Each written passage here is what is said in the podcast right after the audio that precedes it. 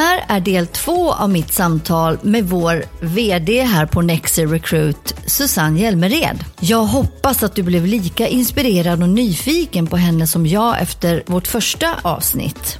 Här kommer vi bland annat att komma in på inkluderande ledarskap, olika drivkrafter och andra spännande ämnen som Susanne brinner för. Där hon delar med sig väldigt öppet om hur hon hanterar olika situationer i sin vardag. Så luta dig tillbaka, njut och jag hoppas att du får med dig lite inspiration framåt. Jag tänker också på att det är ju ganska, att vara ledare idag och också, vi är ju i ett techbolag. Eh, det går väldigt fort, det händer otroligt mycket, eh, både hos våra kunder, våra kandidater och våra medarbetare oavsett. Eh, så vad, vad är din utmaning skulle du säga i det att också faktiskt som kvinna i ett IT-techbolag Um, ehm, vad, vad, finns utmaningarna om någonstans och hur tar du det an dem? Nej, men det handlar ju väldigt mycket för mig om att sortera faktiskt. Prioritera och sortera. För det är som du säger att det går så extremt fort. Och informationsflödet är ju helt enormt. Eh, och där tänker jag att där får man också vara snäll mot sig själv. Eh, och faktiskt ställa sig frågan, vad är det som är viktigt? Mm. Vad leder framåt? Eh, vilken inspiration behöver jag utifrån? Och så får man ta sig tiden och tänka igenom det och reflektera. För att annars är man bara inne i ett hjul som bara snurrar på. Um, det är inte lätt. Eh, nej. alltid. Nej, uh, det är väl ingen som säger. Nej, och jag har inte alla svaren alltid. Och det är jag också öppen och ärlig med. Ja, det är väl okej att inte ha alla svar. Och, och, och, jag menar, människorna runt omkring mig har ju så många goda och bra idéer, så jag, jag tar ju hjälp. Mm. Uh, det är det också jag tänkte på. Mm. Det var faktiskt nästa tanke jag hade här. Det här med att eh, är det, en del kan ju se det som en svaghet att man, man, man tar hjälp eller ber om hjälp. Men personligen så ser jag det som en nödvändighet ibland. Att, att, att bara säga, vet du vad, jag, eh, det här är inte min starka sida. Så hur, kan, hur skulle du kunna hjälpa mig med det mm. här? Eller jag behöver Nej, jag tycker det är självklart. Men sen, sen behöver jag ta kanske beslutet att, att fråga eller att göra eller att inte göra. Men, men det är, jag, man får ju testa sig fram också. Mm. Det är helt okej. För ledarskapet är ju ändå, oavsett vilken bransch man är i, så är ju det en, en ganska viktig komponent i att att man ska kunna ha det så här bra mm. som vi faktiskt har det här till exempel. Det startar ju någonstans, sen måste alla bidra men, eh, men att ha en, en, en bra och stark och tydlig ledare det tror jag är jätteviktigt. Mm. Och jag tror inte att man blir det om man inte lyssnar på andra omgivningen, eh, världen, medarbetarna, kollegorna, allting. Och så får man ta in och bearbeta och sortera och filtrera bort. För att vi kan inte göra allting Nej. samtidigt. Men, men eh, ja, att lyssna är ju, det är ju ibland inte enkelt för alla. Nej. Många vill gärna prata men kanske mindre lyssna. Men det är ju då man får all den här intressanta, spännande informationen och inputen och när man, när man lyssnar. Mm. Och det ehm, är ju superviktigt att göra och ta sig tid att göra det. Sen när man har lyssnat så behöver i alla fall jag eh, tänka på det som jag har tagit in och bearbeta om det till, till mina liksom, idéer och eh, hur jag kan använda det som den inputen som jag får. Eh, så att eh, nej, det är superviktigt. Mm. Men du, vad skulle du säga till eh, kvinnor eller tjejer som vill in i, för du var ju en sån som inte alls hade den tanken när du var yngre ju. Men det blev så och nu visar det sig att det var ett vad är det som är så spännande med den här branschen?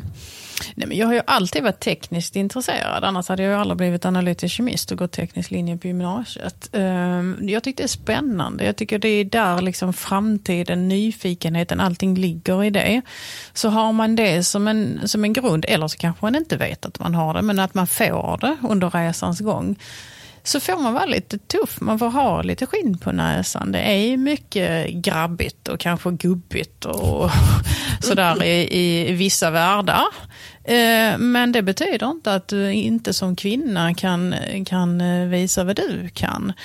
Och jag har nog alltid bara känt mig eh, lugn. Eh, och eh, har jag vetat att jag kan det här eller det här är jag trygg med så, så utstrålar jag den, den både känslan och också eh, agerar ut efter det.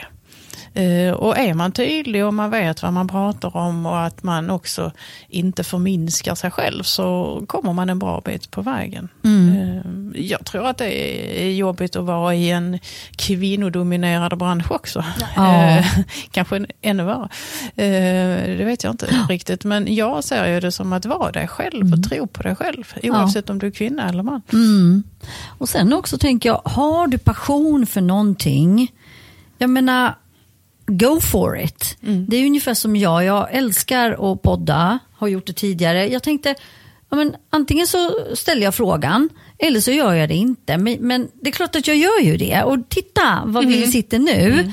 Så att det är ju, och då kan vi ju, liksom, jag tror att det är bra att man vågar lite mer än vad man tror att man klarar av. Absolut, och, jag brukar säga det och jag kommer på det nu när vi pratar här också. Alltså, om du ska vinna då måste du våga. Ja. Och är det en vinst över dig själv eller ett steg framåt eller vad det än är så våga. Men vad är det som håller emot då? Är det, är det att man är rädd för att få ett nej eller rejection? Eller vad, varför vågar man inte då? Ja, det kan ju vara rädslan för att misslyckas som ligger bakom. Eh, det är väl alltid bra att ha en sån liten eh, kittel, kittelnerv någonstans. Man ska ju vara lite på tå. Men jag brukar säga så vad är det värsta som kan hända? Så ställ dig den frågan inför det du ska fråga om. Mm. Oftast är det bara ett nej. Och jag brukar säga det också till, till, till våra kunder. Ge mig hellre ett nej, ett besked. För det får jag jättemånga gånger om dagen och jag kan ta det. Och då kanske jag kan lära mig någonting av det. Precis. istället. Men får jag aldrig veta någonting, då är det jättesvårt att veta hur, mm. hur man ska gå vidare. Mm. Eller till, till exempel om man nu vill gå in på, på någon techutbildning mm. eller man vill bli rekryteringskonsult eller ja. vad man nu vill ja. bli. Jag menar det är ju bara att testa. Ja. Sen finns det ju aldrig några genvägar. Det är Nej. alltid hårt slit som Absolut. gäller. Eh, oavsett om det är tech eller du vill, vill bli något annat. Ja. Eh, så jag tror att det handlar om att eh, lägga ner kraft och energi på det som man vill. Då ja. kommer det att hända. Det är helt sant.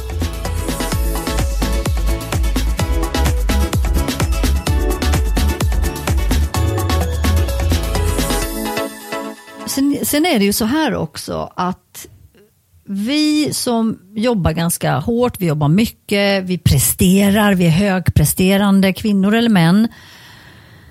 Ibland att också njuta av det som man har faktiskt fått vara del av. Mm. Hur... Eh, det är ju riktigt svårt. Är det så? Varför är det så svårt? Så? För mig är det i alla fall att då är jag på väg till nästa grej. Oftast. Ja. Så jag får ju säga till mig själv och jag säger det till alla andra. Ofta.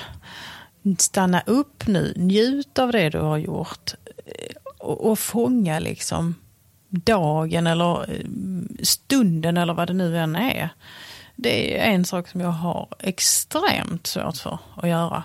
Eh, och får hela tiden liksom komma på det ja. vartefter. Mm. Men är det så att du inte har kanske något större behov av det utan du har en motor som mm. gör att du ändå jackar in till nästa växel mm. oavsett fast det är ju inte fel att också få känna den här glädjen och lyckan för någonting som man har ja, presterat.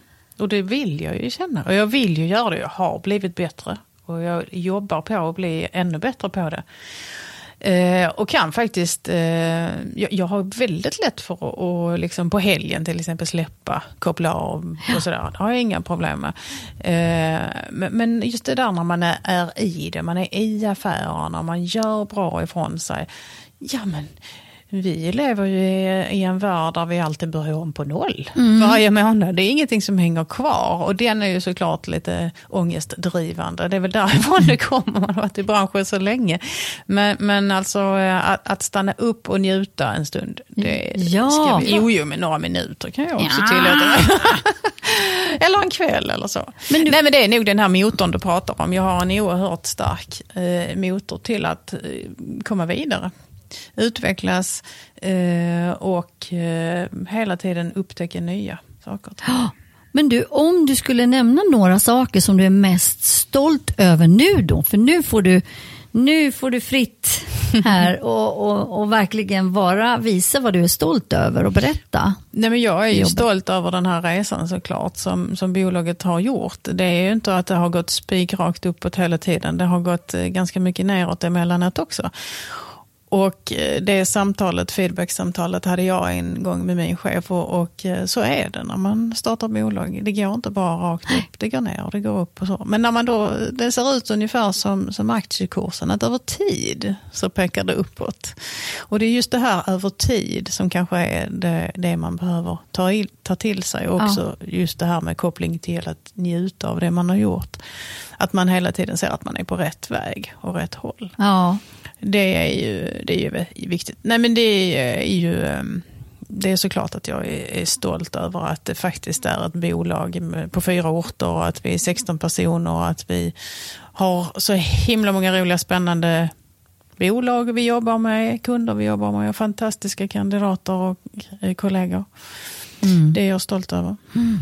Men någonting också som jag ser utifrån vårt samtal tidigare, det är ju att, som jag tycker du ska vara stolt över, i alla fall när du, jag har pratat med dig, det är ju att den här resan hade ju inte heller skett om inte du hade också varit sån som du är med den här motorn och du hoppar upp på hästen oavsett. Mm. Du faller, mm. men du har faktiskt hoppat upp igen. En del ger upp, andra inte. Mm. Nej, det har jag också reflekterat över att ju värre det är, ju ja. svårare det blir, eller vad är det för situation som hamnar, då eh, lägger jag i ännu en växel.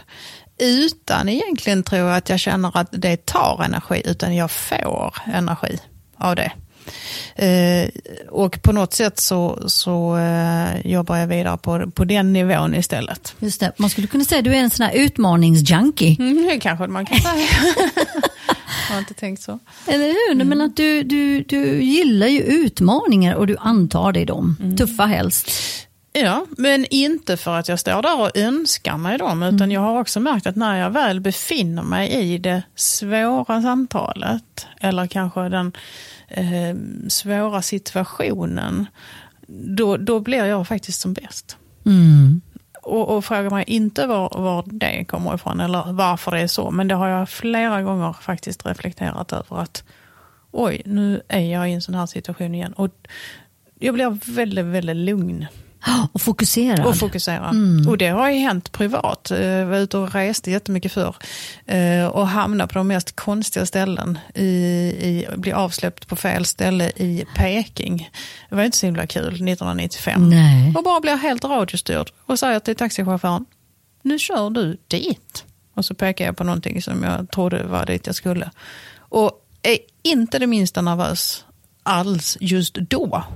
Sen när jag har trätt ur, går in på hotellrummet och efter två timmar tyckte jag jätterädd. Men i stundens hetta, i det svåra ögonblicket, då är det fokus och löst ja. som gäller. Det ja. finns inget annat. Och det är ju en, en otrolig styrka att ha faktiskt. Att man löser uppgiften helt enkelt. Mm. Och det är ju, tycker jag är fantastiskt. En del av faktiskt som du har. Tack. Du Susanne, vi har ju också det här med inkluderande ledarskap som, som vi har berört lite tidigare. Och eh, hur, hur, hur, blir, hur har man en inkluderande hur får man en inkluderande miljö och hur leder man så att den blir om den inte kanske är från början? Ja, men vi har ju varit inne på inkluderande innan och där var vi inne på mer att vi var väldigt olika kanske. Inkluderande ledarskap för mig det är ju faktiskt så som meningen beskriver att man inkluderar andra i sitt ledarskap. Alla är vi ju ledare på var sitt håll. Alla måste ju kunna leda sig själv.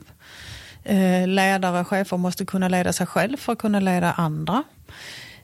Att vara eller att utöva ett inkluderande ledarskap för mig är ju att faktiskt bjuda in.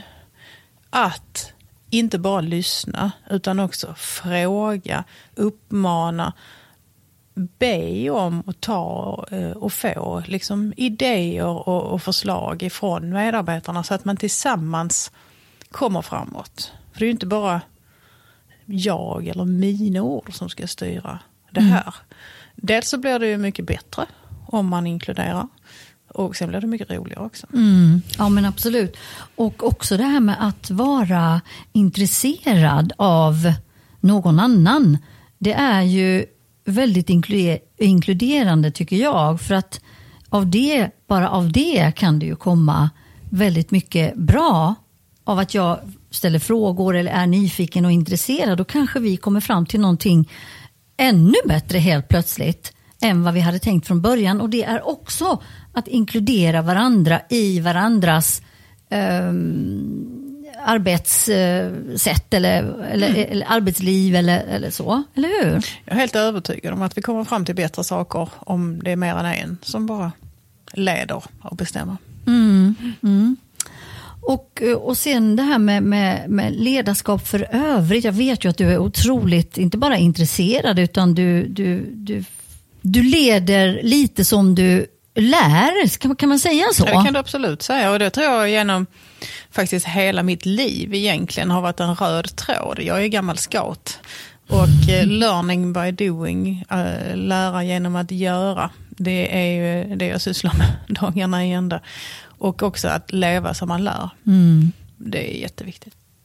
Snart är ju vår lilla tid över mm. och jag tycker det är, har varit helt fantastiskt att få få vara med dig i några timmar nu, vilket kommer säkert kanske aldrig ske igen, det vet jag inte, men, men det har varit jättehärligt att få lära känna dig lite mer. Men om, om du skulle tänka kanske på två eller tre saker som du skulle vilja lämna med dig efter det här samtalet till till våra lyssnare att, eh, ja, men som lite på vägen. Om, om, om de vill ta till sig så, så gör man. Mm. Och, mm. Eh, som kanske du skulle ha kunnat få höra när du var men jag kan dra lite paralleller till feedback som jag har fått faktiskt. Och mm. som jag eh, har tänkt väldigt mycket på. Och som jag också säger eh, till, till min dotter. Dagarna är ända nästan.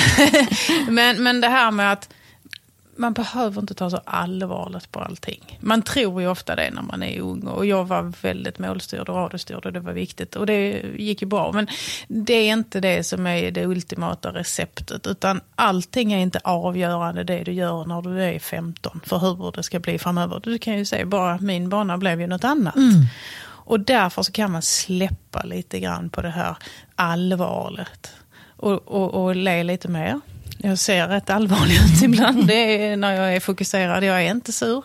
Det fick min mamma höra redan när jag gick i fjärde om det var något som bekymrar mig för jag såg lite allvarlig ut. Ja. Men så ser jag ut när jag är fokuserad. Och det har jag tänkt på. Och jag tänker ofta på det. Och jag ler lite mer än vad jag har gjort tidigare. Mm. En sak. Ja. Vi har varit inne på en annan, det här med att stanna upp, njuta. Eh, faktiskt ta vara på stunden. Ta eh, det och faktiskt släppa, släppa det andra och vara här och nu. Och sen behöver inte allting vara perfekt. Det är good enough, är många gånger tillräckligt. Mm. Men med det bakom att man jobbar hårt och man är, eh, vet vad man vill och att man har bestämt sig. Det skulle jag vilja skicka med till många. Var ja. inte rädda för det. Nej. Våga.